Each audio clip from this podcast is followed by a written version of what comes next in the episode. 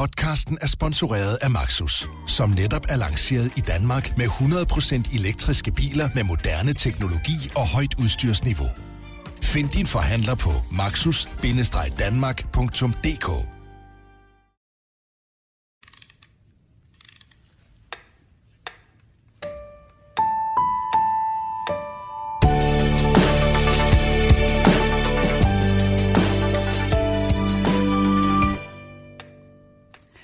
Det er 10 år siden, de kom til Danmark, og i dag er der tre ud af fire danskere, der har sådan en i lommen. Jeg står selv med en her, en smartphone. Den er måske den største udfordring mod den måde, vi er mennesker på i dag. I hvert fald øh, hiver den konstant fat i os, og jeg har selv siddet til adskillige middagsselskaber, hvor folk sad og var på Tinder øh, og swipede frem og tilbage, eller lige skulle sende en sms, eller se, hvad der skete på Facebook. Derfor tager vi fat i mobilpli i dag i den her podcast, som hedder Emma Gad for evigt. I studiet sidder Jakob Sten Olsen, som er teaterredaktør og kulturjournalist på AOK-redaktionen. Velkommen dag. til. Dag, dag. Og så sidder Maj Senior, som også er kulturjournalist på AOK. Dag, dag. Du er her jo også, fordi du har skrevet en uh, guide til netop mobilpli, ja. som vi kommer ind på lidt senere. Fordi vi har lige snydt lidt og har taget en gæst med på en telefon, det er Bent Meyer Sørensen, der er professor ved CBS og som har skrevet bogen Skærmens Magi, at træne modstandskraften i en digital tid. Velkommen til dig også. Tak for det. Jeg skal lige starte med at spørge dig. Det her med skærmens magi, hvad handler det om? Er det det, at den øh, tilbyder os en hel masse, eller at vi har svært ved at lægge den fra os? Hvor i består det magiske? Den er magisk på mange måder. Den er magisk på den måde, at den, øh, den er designet magisk. Altså den har det her tiltrækkende, lækre design, som sådan næsten er sådan en krops, kropsfølelse af noget, noget lækkert. Og så er det selvfølgelig også designet på den måde, at den ikke holder op. Så, så i den forstand er den magisk. Den bliver, ved med at, den bliver ved med at henvende sig til os, både når vi er på den, og når vi, når vi ikke er på den. Og, øh, og i den forstand, det gør i bogen, i den forstand har den visse ligestræk med, øh, med øh, den ring, som øh, findes i ringens herre, og som gør, at Gollum på en måde ligesom er besat af hele tiden at få fat i ringen, fordi han har en fantasi om, at den giver ham adgang til en masse øh, ressourcer, til en masse spændende ting, til en masse magt. Øh, og når han så får den på, så bliver han usynlig. Ligesom når mine øh, små drenge, de, de så at sige tager deres smart, øh, de har ikke en smartphone, men hvis de får fat i en eller iPad, så bliver de usynlige for verden. Så i den forstand er, er der øh, noget magisk ved den her øh, nye, nye teknologi, øh, som gør, at vi, øh, som er en magi, der er stærkere end, end vores vilje. Så den er på en måde før vores vilje det. Vi tager den op uden at ville det. Det er bare mm. fordi, den lige måske brummer i lommen, eller simpelthen efterhånden øh, ikke brummer. Altså vi tager den bare op øh, automatisk. Så det her auto, automagi, øh, kan man sige, er en, øh, er en måde, som, som både er et resultat af, af ydre design, men det er også selvfølgelig et resultat af øh, infinite scroll, for eksempel, som det hedder på dansk. Altså det, at, det at når man laver noget på nettet, så fortsætter det bare. Altså det er som om, at det er en uendelig ressource. Øh, og den her, det at et scroll bare fortsætter, det giver jo følelsen af, at vi, vi er i kontakt med noget, der er uendeligt. Altså indefinit betyder jo simpelthen uendeligt scroll, så du kan bare blive ved. Og der, og der er hele tiden noget i den anden ende. Men det er så den sorte side af magien. Det er der jo ikke. Der er jo ikke noget på, på så at sige, på bunden af Facebook. Der kommer ikke noget nyt. Det er bare et, ritu- et tomt ritual, som vi gennemfører på skærmen. Og bagefter føler vi os jo tom, altså lad mig sige, det gør jeg selv, føler jeg mig tom ind i, øh, fordi jeg har spildt min tid på, øh, på skærmen. På magisk vis har jeg så samtidig med at have spildt min tid, givet mit liv, min data, øh, min karakter, min profil til øh, Mark Zuckerberg. Så i den forstand er det en, er det en lose-lose, som vi siger på den. Øh, vi får ingenting til gengæld vi får ingenting, til gengæld giver vi en masse. Jakob Sten Olsen vil lige spørge dig om noget, kan jeg se. Jamen, det er fordi, jeg vil bare kommentere på det med Gollum, altså figuren der for Ringenes Herre, for der sker jo ikke bare med det for ham, at han øh, øh, forsvinder. Øh, han syner jo simpelthen hen. Altså, øh, så, når, ja. så er, det, er det en moralsk bog, du har skrevet? Altså en opsang til os ja, om, at, at vi er ved at blive øh, skygger? I høj grad en øh, moralsk bog, og den peger netop på det, du øh, meget fint peger på der. Gollum, en normal hobbit bliver hobbitalder, som er sådan ganske, sådan et, næsten af menneskealder. Men øh, Gollum er 682 år gammel, fordi en del af skærmens magi er, at du kan leve for evigt. Det er en del af den magi, som udbredes fra øh, Silicon Valley. Det er, at hvis du bliver frosset ned, når du bliver død eller kørt over eller død af kædesmed, så kan du i år 2045 blive øh, frosset op igen, tøet op igen hedder det, og så kan du din bevidsthed leve i skyen. Det er den her singularity-religion. Så til den magi, jeg taler om, der er faktisk en etableret øh, religion, som ganske vist er øh, fodboldfidus, men som er en religion med sine egne, kan man sige, ritualer øh, og sin egen ideologi, nemlig den, at der, hvor vi er nu, er ikke godt at være. Vi skal være et andet sted. Vi skal være i skyen på nettet. Vi skal være connected. Vi skal være i netværk. Vi skal være online. Helt den ideologi er, lyder måske lidt positiv, og, og, og sådan lidt, så får vi en masse nye venner. Men egentlig er det nihilisme, fordi det siger til dig, der hvor du er, er du værdiløs. Men er det ikke, altså jeg, jeg kan ikke lade være med at tænke, har vi ikke efterhånden lært lidt mobilpli, trods alt? Altså, er de fleste ikke bevidste om, at man ikke lægger den frem, når man er til middag, eller man ikke sidder og, og sms'er foran børnene? Der er præster, der har fortalt mig, at, at mennesker til deres vens, bedste vens begravelse, tager deres mobil frem i kirken og tjekker deres mail. Okay. altså, nu taler du om det som en religion, øh, øh, men det, det, for mig lyder det nærmest som om, at det også ligger sådan en hel masse øh, angst for at blive glemt og dø. Øh, altså, øh, øh, før så levede vi videre i det hinsides op hos vor herre, og nu kan vi så gøre os øh, forhåbninger om at leve videre i hinsides en eller anden sky. Ja, altså det, altså det man skal vide med, med øh, den her teknologiske innovation, det er, den, det er ikke bare, altså teknologi er ikke neutral. Teknologi er ikke, er ikke bare en mulighed, vi har til at gøre noget. Teknologi kommer med sit eget budskab. Det er ligesom en, en pistol ikke er neutral. Altså hvis, hvis, hvis, hvis jeg gav mine studerende pistoler, hvad man jo altså også gør i USA i øvrigt, så vil mit liv være meget mere i fare, selvom det er de samme elever, studerende. Ikke? Altså, det er fordi, at, at der er en tendens i pistoler til at slå ihjel. På samme måde er der en tendens i, i de her skærmteknologier.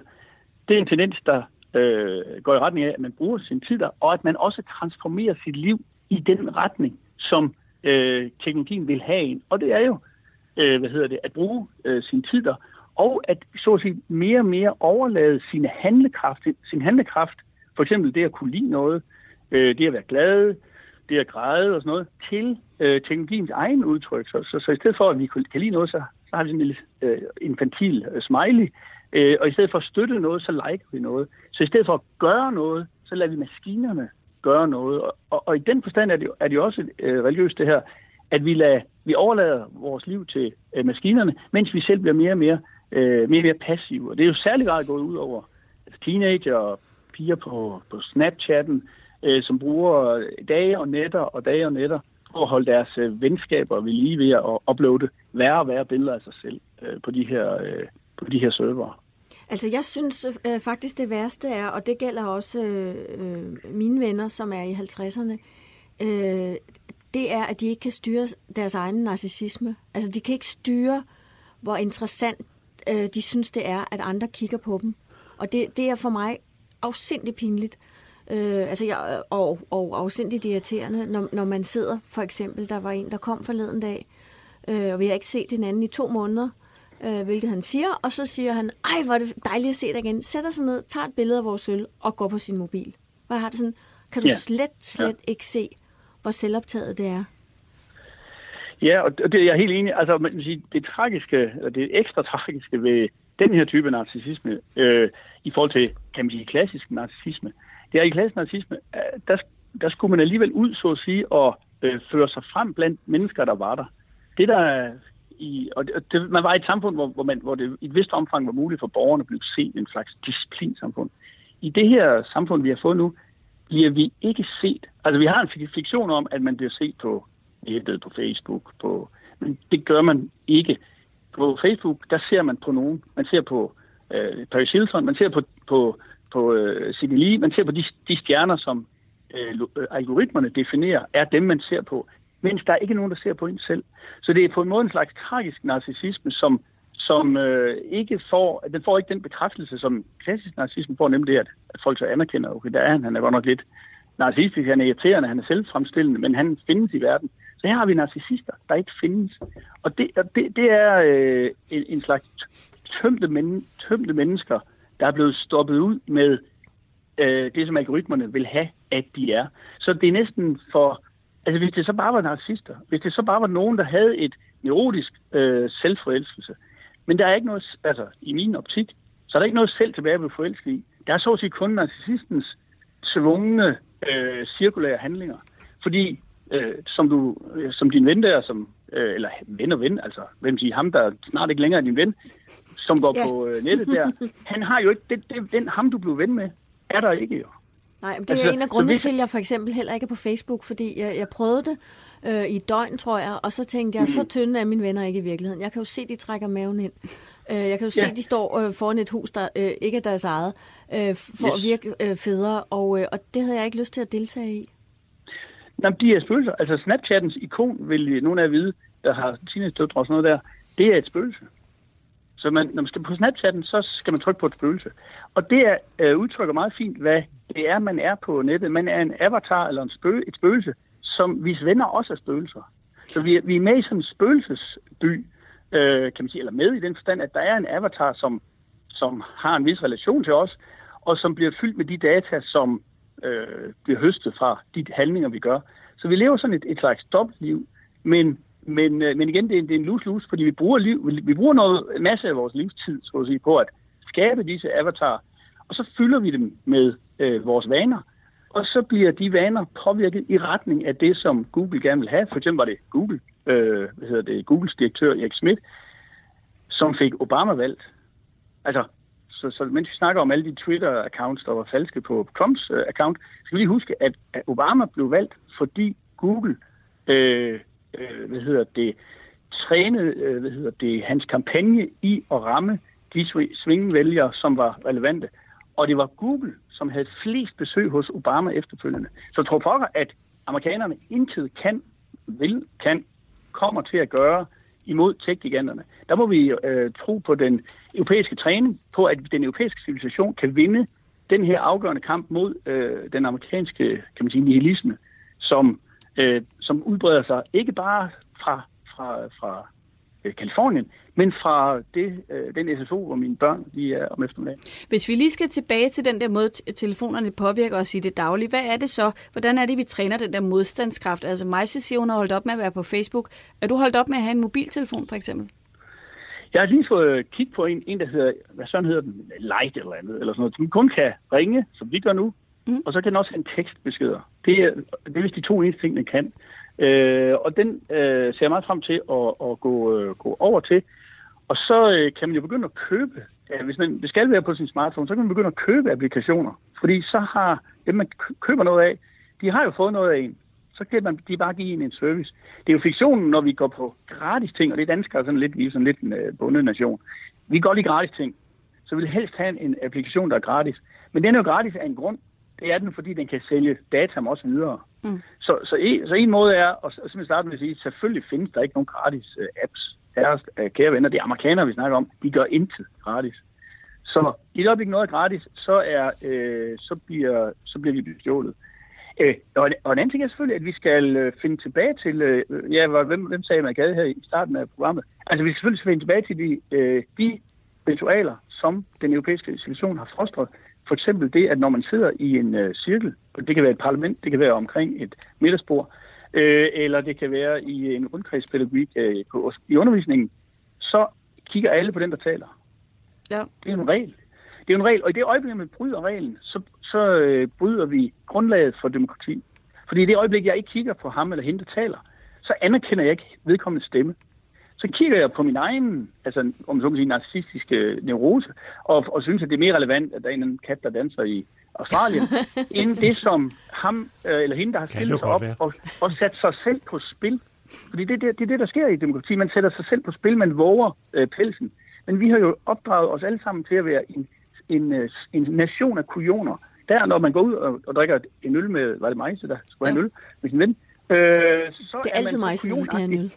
Yes, jamen, det er en god, en god regel. Jamen, det er et andet ritual jo, at, øh, at man, øh, man drikker en, øh, en øl sammen. Og der er det jo øh, reglen, at hvis man går ud af øh, hvad hedder det, øh, samtalen, så siger man noget. Altså, jeg skal lige på toilettet, jeg skal, eller mm. jeg går ud, jeg skal lige ringe til min kone. Hvad man nu siger, så siger man noget, og så signalerer man, den samtale, vi har, er øh, sakral, eller hellig, eller urørlig. Nu er jeg nødt til at gøre noget. Jeg signalerer lige, at jeg, jeg, jeg anerkender øh, samtalen. Men det, der sker, det er, uden at sige noget, så gør han det, øh, så tager han telefonen frem. Det bringer dig i den situation, at du skal forklare ham noget indlysende. Det er for pinligt, faktisk. Men, men det gør du ikke. Men man kunne så godt sige, at øh, hvis vi skal være lidt handlingsanvisende, at hvis Majses ven havde sagt, mm. ved du jeg tager lige et billede af den øl, for den vil jeg gerne have i min telefon, så har det været noget andet. så havde han jo trods alt anerkendt øh, ritualets øh, sakrale øh, natur, og så havde han måske også været, øh, øh, så, og så kunne han måske lige nå at sige, øh, godt, jamen lad os sige øh, et billede, og så øh, ikke mere skærm. Præcis. Det siger jeg til folk. Godt. Øh, altså, og, og, og, og, og, det, og der tror jeg så afsluttende, at øh, vinden er vendt. Altså, hvor det tidligere var bare sådan en lille smule okay og sådan noget der, så er det begyndt at være taberagtigt øh, at tage sin, øh, tage sin skærm frem. Og lad os bare øh, være ærlige, den europæiske kultur er i den forstand også en elitekultur, og den vil jo hævne sig, øh, om så må sige, på, på nørderne og, og skærmtilbederne og sige, det kan vores kultur ikke holde til, det skal høre op. Så færre dansende katte fra Kalifornien og mere samtale. Tusind tak, fordi du var med, Bent Meyer Sørensen. Det var en fornøjelse. Tak. Majse, nu kigger jeg over på dig, fordi nu øh, havde vi fat i den der fadøl, der skulle fotograferes og lægges på de sociale medier. Hvor, hvor ofte oplever du egentlig, at mobiltelefonen ligesom griber ind i den måde, vi er sammen på, eller du er sammen med dine venner? Det oplever jeg øh, forbavsende ofte, når jeg tænker på deres alder. Og jeg tænker, det er måske, fordi de øh, ikke er født ind i øh, mobiltelefonalderen. Fordi jeg synes faktisk, mine øh, egne børn er bedre til det. Når man har ellers en idé om, at det er de unge, der ikke kan øh, Ja, men det, det synes jeg faktisk ikke. Og jeg havde lige en snak med min datter øh, i forbindelse med den artikel, jeg skulle skrive om det, øh, hvor, hvor øh, hun siger, at, øh, at det er ikke særlig mange, der øh, har deres mobil hele tiden. Men dem, der er, er, synes hun også er irriterende. Hun synes, det er provokerende, at hun øh, går på, øh, på vej til skole med en, der ikke gider tage sin, øh, sin høretelefoner af.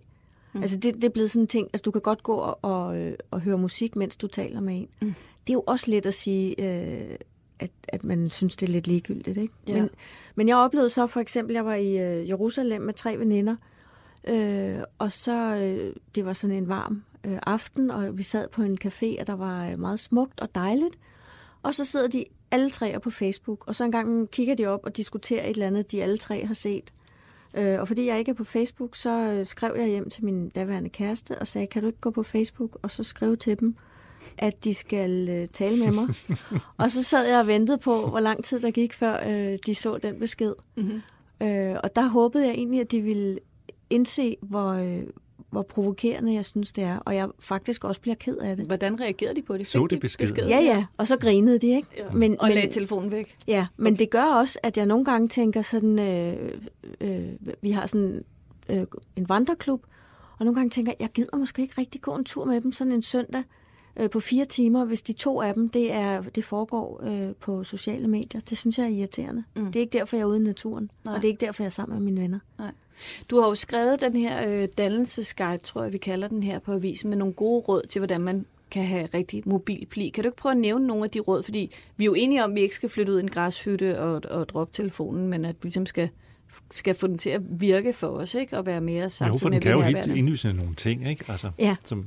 Øh, øh, og jeg synes, den var svær at skrive, fordi jeg synes ikke rigtigt, jeg er ekspert, men så tænker jeg, at det er vi jo alle sammen på en eller anden måde, når det gælder mobiltelefoner. Eller det, det, altså det handler jo om at tænke sig om og, og, og sige, kan jeg være det her bekendt? Det er det ene. Altså kan jeg være bekendt at have min telefon her? Jeg kommer hjem til nogen, der har lavet mad, og så er der kniv, gaffel og mobiltelefon. Er, mm. det, er det høfligt over for dem, øh, der har gjort sig umage? Øh, det er det ene. Og så, og så opdagede jeg, at jeg selv havde en øh, afhængighed. For eksempel så noget med, at man opfinder lektier til sig selv. Før man går i seng, så skal man lige øh, tjekke øh, Twitter, kan det være. Eller, mm. Og så havde, var jeg begyndt at spille Wordfeud igen. Øh, og, øh, og det blev også pludselig en lektie. Øh, som jeg lige skulle ordne, før jeg skulle i seng. Det er jo fuld... Altså, hvis man ser sig selv udefra, så er det jo helt galt. Mm. Det er jo bare et dumt spil. Hvor, hvorfor skal det ordnes? Øh, det er jo fordi, man giver sig selv falske opgaver. Så det skal man holde op med, tænker jeg, et af dine råd? Ja, men det, er, det hele taget handler det bare om at se sig selv lidt udefra og tænke, er, er jeg egentlig den person, jeg helst vil være? Vi deponerer jo også hele vores kreativitet, øh, kan man sige, hvis vi, ikke, hvis vi sidder og kigger ned i den der skærm, hvor alt ligesom bare kommer til os. Ikke? Jeg kan huske, da jeg var teenager, der var der selvfølgelig ikke noget, der havde mobiltelefon dengang, men der kedede jeg mig nu, nu er der jo ingen, der keder sig længere, for man kan altid lige hive den der op, når man står og venter på bussen, eller restløs sidder hjemme i sofaen, og der ikke lige er noget fjernsyn, mm. eller der er noget fjernsyn, og det ikke er spændende nok til at fastholde vores opmærksomhed. Øh, men øh, altså, jeg savner lidt det der med at kede sig, og hvad kan man så gøre ved det? Jeg gik forbi en, øh, herovre på den anden side af, fra hvor, hvor jeg arbejder, der øh, gik jeg forbi øh, den meget eksklusive øh, sengeforretning Hestens, Øh, og så så jeg noget meget mærkeligt i vinduet, nemlig sådan en mini-hestens seng, som var beregnet til en mobiltelefon. Nej. Og den koster altså, så vidt jeg husker, flere tusind kroner. Og det, var, og det kan man jo selvfølgelig synes er gaven til ham, der absolut har alt. øh, men, og, og virker ret sindssygt. Men et eller andet sted øh, fik den mig til at tænke på, at jamen, det er jo nok det, vi alle sammen i virkeligheden skal gøre. Vi skal lægge vores mobiltelefon i seng. Mm. Når, altså beslutte os for, nu i aften, nu kommer jeg hjem, nu er der ikke mere, jeg sådan set skal bruge den til. Medmindre man, øh, der er mange af os, der har nogle mærkelige arbejder, hvor vi er måske lige tvunget til at tjekke nogle mails eller sådan noget. Det kan jeg så beslutte mig for at gøre på et eller andet tidspunkt. Men indtil da, så bliver den simpelthen lagt i seng. Mm. Øh, så det er ikke fordi, jeg har tænkt mig at købe en hestens seng til min mobiltelefon til mange tusind kroner. Øh, men jeg har faktisk nogle gange gjort det, når, fordi jeg sidder virkelig meget og kigger på min mobiltelefon, og min kæreste siger til mig, øh, når nu har du mobilhjerne igen. Du har mobilhjerne. Det er sådan et grimt udtryk, men det er jo ikke nok, og det siger jeg så også nogle gange til ham, fordi vi så sidder der med hver vores telefon. Men nogle gange, så er jeg simpelthen i mit, jeg har sådan et nøgleskab, så har jeg simpelthen sat mobiltelefonen ind der. Så må du sove derinde. Godnat og sov godt. Og så går jeg ind og gør noget andet. Ikke? For jeg føler faktisk, øh, at øh, den der evne eller mulighed for at være på hele tiden påvirker min koncentration. Mm. Altså, jeg havde en nævnværdig bedre koncentration, før alt det mm. lort kom ind i vores liv. Jeg mm. var bedre til at læse bøger. Jeg var bedre til at interessere mig for det, jeg så i fjernsynet. Jeg kedede mig ikke nær så meget, som øh, når jeg så en film. Øh, og jeg øh, var bedre til at opretholde samtaler ved et middagsselskab. Øh, og ikke sidde og, og tænke, hvor, hvad kunne jeg ellers lave i stedet for at sidde her. Ja, men... Det er simpelthen, øh, øh, det, det, øh, det fucker med ens hjerne. Ja, og det er det ene, og det andet er, at det, der bliver sådan en mærkelig øh, blanding af det private og det offentlige rum, øh, hvor, hvor øh, har I ikke prøvet, hvis man sidder i biografen, så er der nogen, der pludselig sidder på deres mobil, og det lyser jo op. Ja. man har sådan lidt, undskyld, øh, der er tre, der er lige ved at drukne op på lærredet, og så skal du lige tjekke, om, øh, om der sker noget spændende, og forstyrre os andre. Og det er jo også det der med, hvad folk øh, taler om øh, i det offentlige rum. Altså, jeg var med... Øh, øh, grisen øh, til øh, hundested, og så står der en pige, der skal på, øh, og siger et eller andet, om hun skal på vagt på, øh, nede hos bageren. Og det er rigtig ærgerligt, for hun har simpelthen sådan en tyndskid. Øh, og der sidder en helt tårvogn og tænker, øh, jeg vil gerne vide, hvilken bager det er, du skal arbejde i om en halv time, hvis ja. du har det så skidt. Ja. Øh, altså, det, det, det bliver også en lidt mærkelig... Ja jeg, jeg har jo ligesom alle andre også udfordringer med det der med, at den tager min koncentration, så jeg har lovet mig selv kun at tjekke beskeder, når jeg har mulighed for at svare. Fordi, simpelthen fordi ellers glemmer jeg det. Hvis jeg går ind og åbner alle mine messenger-beskeder, øh, så enten får jeg svaret for hurtigt, så lyder jeg sur, også fordi jeg ikke kan finde ud af at sende emojis, øh, eller også så glemmer jeg at svare senere, fordi så sker der noget andet. Og jeg har faktisk fundet ud af, at det sparer mig enormt meget tid, og folk oplever mig meget mere venlig. Så jeg synes faktisk, hvis jeg skal komme med et godt råd, så vil jeg sige, lad være med at åbne jeres beskeder, før I rent faktisk har tid til at svare på dem. Er der ikke nogen andre råd, vi kan lige sådan runde det af med, øh, som gør, at vi kan være mobildannet? Jo, så jeg tror meget, altså jeg tror, at det er jo en cold turkey, vi skal ud i, ikke? Altså vi, øh, vi får det her fix, nu hørte vi Ben Maja Sørensen fortælle om, hvordan den rent faktisk går ind og skaber et afhængighedsforhold, den der mobiltelefon. Det tror jeg rigtig, rigtig mange mennesker kan kende. Den der uro i kroppen, det er ligesom at være smøgtrængende eller har brug for en shoes, hvis man er alkoholiker, ikke? Vi har brug for et fix. Der tror jeg simpelthen, at vi skal simpelthen sætte os selv og hinanden på en kold tyrker, ikke? Øh, indføre nogle fuldstændig øh, latterlige, rigide regler, som for eksempel at lægge sin mobiltelefon ude i nøgleskabet, eller sige til hinanden, øh, samle mobiltelefonerne ind. Altså jeg ved godt, det lyder drastisk, øh, øh, men altså simpelthen samle mobiltelefonerne ind i, øh, hvis der er et selskab, så er der måske straks nogen, der begynder at tro, at man skal et eller andet frækt. øh, men altså, I forstår, hvad jeg mener, ikke? Altså, ligesom i folkeskolen, altså, øh, hvis, de kan, hvis de kan gøre det hen i folkeskolen, hvor lærerne jo tit samler mobilerne ind, fordi nu er der lige, skal lige prøve at lære at stave til øh, øh, så og sø her, ikke? Så, så kunne det måske være en god idé, at vi øh, begynder at tale lidt mere om det, fordi øh, hvis jeg, jeg, jeg ville da synes, det var okay, hvis jeg kom hen til dig, så Iben, og du havde inviteret øh, til et større selskab, og så, så havde du, øh, øh så, så havde du taget en holdning til det her. Mm. En fælles kollega fortalte mig, inden vi gik i studiet, at han øh, holder herremiddag en gang om året, hvor de spiser og drikker for rigtig mange penge. Og øh, inden de går i gang med det, så lægger de alle deres mobiler i en stavl på bordet, og den, der først griber ud af den, efter den, betaler regningen. Hold da kæft. Det er jo meget Jeg synes, det er, en god, øh, det er en god løsning. De kommer Majse... jo aldrig hjem. og næste morgen deler de den vist, tror jeg, det var aftalen. Majse, hvad er det bedste råd, du er kommet frem til i din øh, guide til god mobildannelse? Jeg ved ikke, om det er et råd. Det er bare en undren, at det gik op for mig, at jeg tror, at, øh, at folk, der bor sammen, de oftere siger, har du set min mobil, end de siger, jeg elsker dig. Øh, og det synes jeg egentlig er ret syret. øh, og, og vi kan også lave den derhjemme hos mig. Så, så først er det den ene, det ene barn, der løber rundt. Har du set min mobil? Øh, og så går der en halv time, så er det mig. Altså, vi tror, vi skal dø, hvis vi ikke lige har vores mobil i nærheden, og det, mm. det synes jeg er lidt, øh, det kan man godt lige tænke lidt over. Men så, jeg gjorde så det, at jeg tog, øh, hvad hedder det, for to år siden, så sagde jeg til mine to yngste børn, øh, jeg vil gerne give en, øh, en uges øh, charterferie, øh, hvor vi skal have være ved en pool, og vi skal lave alt muligt, øh, på den betingelse, at I kun er 20 minutter på øh, jeres mobil hver dag. Og øh, det sagde de ja til, og så gik jeg rundt de tre første dage med to narkomaner. Altså, det er det jo. De rystede over hele kroppen. Ja, de var aggressive og, øh, og kunne ikke sidde stille, og, øh, og det tog faktisk, men det tog tre dage, og så gik det fint. Det ved vi nu, så tre dage, så er det ude af kroppen. Ja. Og, så, og så var de tilbage på øh, narko, da I kom hjem. Ja. ja.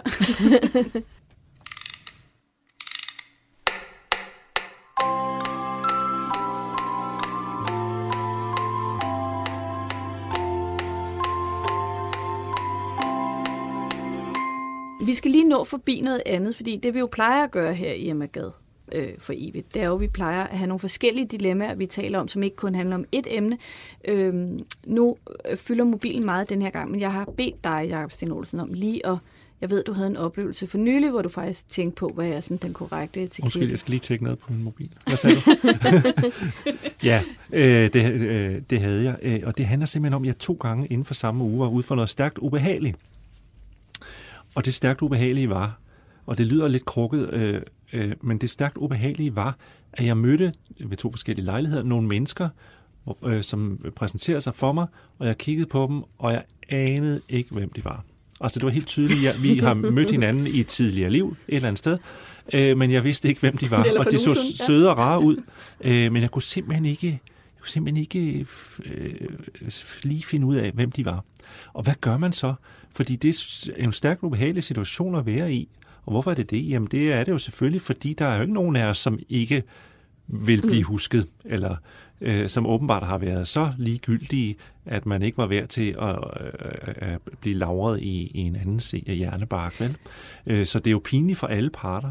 Var det nogen, du mødte på gaden? Eller ja, var den det ene var en, jeg mødte på gaden, som var en, øh, det kan jeg godt fortælle, en rigtig sød og flink øh, øh, sådan slags øh, yngre medarbejder, som øh, var, var i et sted, hvor jeg arbejdede for måske 10-15 år siden. Ved øh, du nu? Jamen, det, øh, det, øh, jeg undskylder mig med, at han jo var blevet ældre i mellemtiden, så jeg skulle lige morfe det der ansigt sammen til noget, der så kunne være... Øh, øh, så jeg, jeg fandt faktisk ud af det. Men jeg, jeg, nåede at, jeg nåede simpelthen at stille spørgsmål, eller sige, øh, erkende, at, øh, og sige til ham, undskyld, øh, jeg, jeg ved godt, at vi kender hinanden, men hvor er det nu? Hvem er det lige, du er? Mm. Og så, da han så begyndt, øh, så nåede han ikke at sige mange sætninger, før jeg så var helt klar over, hvem det var. Øh, og han tog det rigtig, rigtig pænt. I, altså, nu skal jeg jo selv, ikke selv svare på øh, mit dilemma, men altså, det er jo i hvert fald noget, man kan gøre, øh, så for det ikke bliver rigtig ubehageligt. Det er simpelthen at gå til bekendelse, selvom det er lidt, ja. lidt, lidt ubehageligt. Ikke? Ja. Jeg har nemlig også stået i situationen, hvor jeg har øh, spillet spillet, Øh, og, og det er jo ligesom at gå længere og længere ud på tynd is, for man ved ikke, hvornår det bliver rigtig pinligt, fordi man kommer til at sige, spørge, ja. hvordan Susanne har det, og sidder hun Gitte, ikke? Ja. Malte, hvad gør du i den situation? Jeg tænker, du også har prøvet det. Ja, ma- masser af gange. Altså før i tiden, så, så synes jeg, det var sjovt at sige, øh, jeg kunne ikke genkende dig, at du er blevet så stor. Nej. altså til voksne, ikke? Nå. Nej, det var rigtig uheldigt, fordi det, hvis det nu var sådan lidt tyk ja. øh, Men nu er jeg faktisk begyndt at sige, jeg, jeg synes nemlig også, det er synd for den anden hvis, hvis de føler, altså hvis de skal komme til at føle, at de var så uinteressante, at man ikke kan huske, hvem de var. Så jeg så, for at holde den på, på, ligesom på min banehalvdel, så siger jeg, ved du hvad, jeg har tre børn, der er gået i, i vuggestue og i børnehave og i skole og gymnasie og alt muligt. Så jeg har simpelthen mødt så mange mennesker, øh, så nu har jeg svært ved at hitte redde i, hvem der er hvem. Fordi så har jeg sagt, det er mig, der ikke har nogen øh, øh hjerneceller tilbage, så det har ikke noget med dig at gøre. Det synes jeg er den, den venligste måde. Og den der med at padle, eller endnu værre spørge, hvordan er det nu, du staver dit navn? Den, den skal man bare holde sig fra. Altså, jeg har en, Ib og Bo. Jeg har en endnu værre historie fra en fest, jeg var til for nylig, hvor jeg så øh, skulle, der kom, kom en mand ind, og han præsenterede sig rundt i rundkredsen, og jeg synes også, jeg ville også hilse på den mand. Og så sagde han til mig, øh, da jeg sagde, goddag, det hedder Jacob, så sagde han til ja, det er så tredje gang, du øh, præsenterer dig for mig. og hvad siger man så? Hvad gør man ja. så? Så hørte jeg mig selv sige noget, fra, som er en replik fra en Kathleen Turner-film, hvor hun spiller en øh, luder, som øh, vist nok er politibetjent om dagen og luder om natten. Så, så sagde jeg noget helt forfærdeligt, så sagde jeg, I never forget a face, except if I sat on it. det var ikke særlig pænt, men jeg kom men derud af det med en anden kvik bemærkning. Jeg ved ikke helt, hvad det betød, men... Øh... ja. Nå, vi taler ikke mere sammen den aften. Jeg håber, han tilgiver mig. Men, men øh, øh, altså, jeg bliver jo nervøs for, om det er, fordi man simpelthen er lige præcis, nu taler vi om narcissisme, så meget op i sin egen RØV, at man ikke interesserer sig nok for andre mennesker. Den, den følelse kan jeg jo godt lidt få. Øh, men så tænker jeg også på, at nogle gange at jeg jo heller ikke kan huske ret meget andet mm. end ansigter heller. Ja, men det kan du prøve at sige til folk, ja. at jeg, jeg, jeg har glemt, hvor jeg bor. Ja. Altså, jeg kan ikke huske noget længere. Ja. Kan du ikke fortælle mig, hvem jeg er? Ja. ja. Tilbage til mig. jeg, jeg har lige rådført mig med Takt og Tone, som jo er over 100 år gammel, og når vi har gjort det før i tiden i programmet her, så har vi jo opdaget Emma Gad, hun foretrækker ofte en festlig løgn frem for den kedelige sandhed. Det, har, har, og det hun gør inde, hun også her. Er hun inde på det her også? Ja. Nå. Hvis man tiltales og spørges, om man erindrer vedkommende, er det klogest at svare ja bevares, selvom man ikke aner, hvem det er, der taler. Man redder sig som oftest, og det gør altid et mindre gunstigt indtryk på folk, når man ikke kan huske, hvem de er. Så altså lyv, hun er simpelthen så moralsk anløb med ja, der Emma Gad. Jeg synes, dejligt. det er øh, anden gang, hun chokerer os nu. Ja, men ja, men, ja liv, men det, det er meget godt, Emma, men så skal du jo lige præcis padle, som øh, Majse kaldte ikke? Så skal du jo ligesom holde den gående og håbe, at det åbenbarer sig ja, hen ad vejen. Og det er så, man, man, får, altså man begynder at svede helt ja. ned til bukselinjen, ikke? fordi man er så bange for, at man bliver opdaget. Jeg synes faktisk, jeg er ret god til det. Øh, altså, du padler? Jeg, ja, jeg padler. Jeg padler helt vildt. Og så håber jeg, at der kommer nogen forbi, som jeg så kan introducere den anden for. Altså, øh, lad os sige, du kom gående, Jacob så kunne jeg sige, øh, her kommer min ven Jakob, og så ville det være naturligt, at du gav hånd, og så vil jeg jo kunne høre, hvad vedkommende hed. Nå. Jamen, det siger jeg altid. Ja. Det siger jeg til mine børn, øh, når vi er ude. Så siger, så siger jeg, vi laver den der hvor jeg så siger, det er Asta Maja, og så giver hun hånd, og så kan jeg vide, ja. hvem det er. Og så har man et navn, og, det, ja. og så er man næsten så er man halvt i gang. Ikke? Og ja. så kan du huske, hvad din datter hedder igen. Ja. og det, og det altså i takt og tone gør Emma Gade jo meget ud af, når man møder nogen, at man skal præsenteres. Og hvis man har selskab, skal man sørge for at præsentere gæsterne for hinanden. Og det er faktisk noget, jeg savner en gang imellem, når jeg kommer hjem ja. til nogen, at de gider at lave en ordentlig introduktion og sige, det er Sara, som jeg kender der og derfra, og det her er Søren, og I har måske det her til fælles det gør jo, det letter også samtalen, ikke? Det min... vi, vi gjorde det på øh, til et, øh, en forældrefest, hvor jeg tænkte, nu kan jeg ikke flere forældrefester, og man skal stå med alle de der mennesker, man ikke ved, hvad er. Øh, og så fik jeg indført, at man havde navneskilt på ryggen, og øh, der stod øh, tre emner. Man skulle skrive tre emner, man øh, kunne tale om. Fordi så, kunne du, så var det ikke det der pinlige, man skulle stå og kigge ned på deres bryst for at se, om, øh, om det nu var Henrik eller Michael. Men du kunne gå om bagved, så kunne du se, så kunne du sige, nå okay, han er interesseret sig for det og det og det, og så kunne man gå i gang. Det er jo også det, den trænede hvad det gør ved et middagsselskab. Lige giver øh, en introduktion rundt, øh, og, og kender sig derfra, og, og Susanne interesserer sig for sig selv, og så interesserer hun sig for øh, øh, Golden Girls på fjernsyn og noget øh, mm. stramaj. Så har vi ligesom noget at tale om, ja. Susanne og mig. Ikke? Ja, ja. Det, det øh, britter er så gode til. Ikke? Mm. Men jeg har oplevet, hvis man, hvis man så er sådan en, der har øh, været med i tv-programmer, så har folk måske lige gået forbi, mens de lavede aftensmad eller et eller andet, og set en. Men det har så måske heller ikke sådan festnet sig så voldsomt. Mm. Øh, og så var jeg nede i Trankebar, den der boghandel, og så kom der en dame hen og sagde, hej, øh, jeg er så stor fan af dig. Øh, og apropos det, vi talte om tidligere med det der med narcissisten, så er den jo ikke så... Altså, ikke det er så, lidt antændelig. Ja. Så jeg sagde sådan, ej, tusind tak, og sådan, jeg har læst alle dine bøger, ej, tusind tak, og så, og så gik der et øjeblik, så, eller så sagde hun, jeg går lige hen og køber den, den sidste nye, så kan du skrive i den. Øh, og så var jeg sådan, uh, uh. øh, så, så kom hun tilbage, og så var det en uh, bog af Katrine Lilleør. øh, og så uh, tænkte jeg, jeg tror ikke, Katrine har noget imod, jeg bare skriver under her. Jeg skal sige tak til jer begge to, fordi I var med her i Emma Gad for evigt, en podcast, hvor vi prøver at tale om takt og tone i 2019. Man kan finde os i Spotify og på Berlingskes hjemmeside, og hvor man ellers finder sine podcast. Vi er tilbage om en måned med mere dannelse. Tak for nu.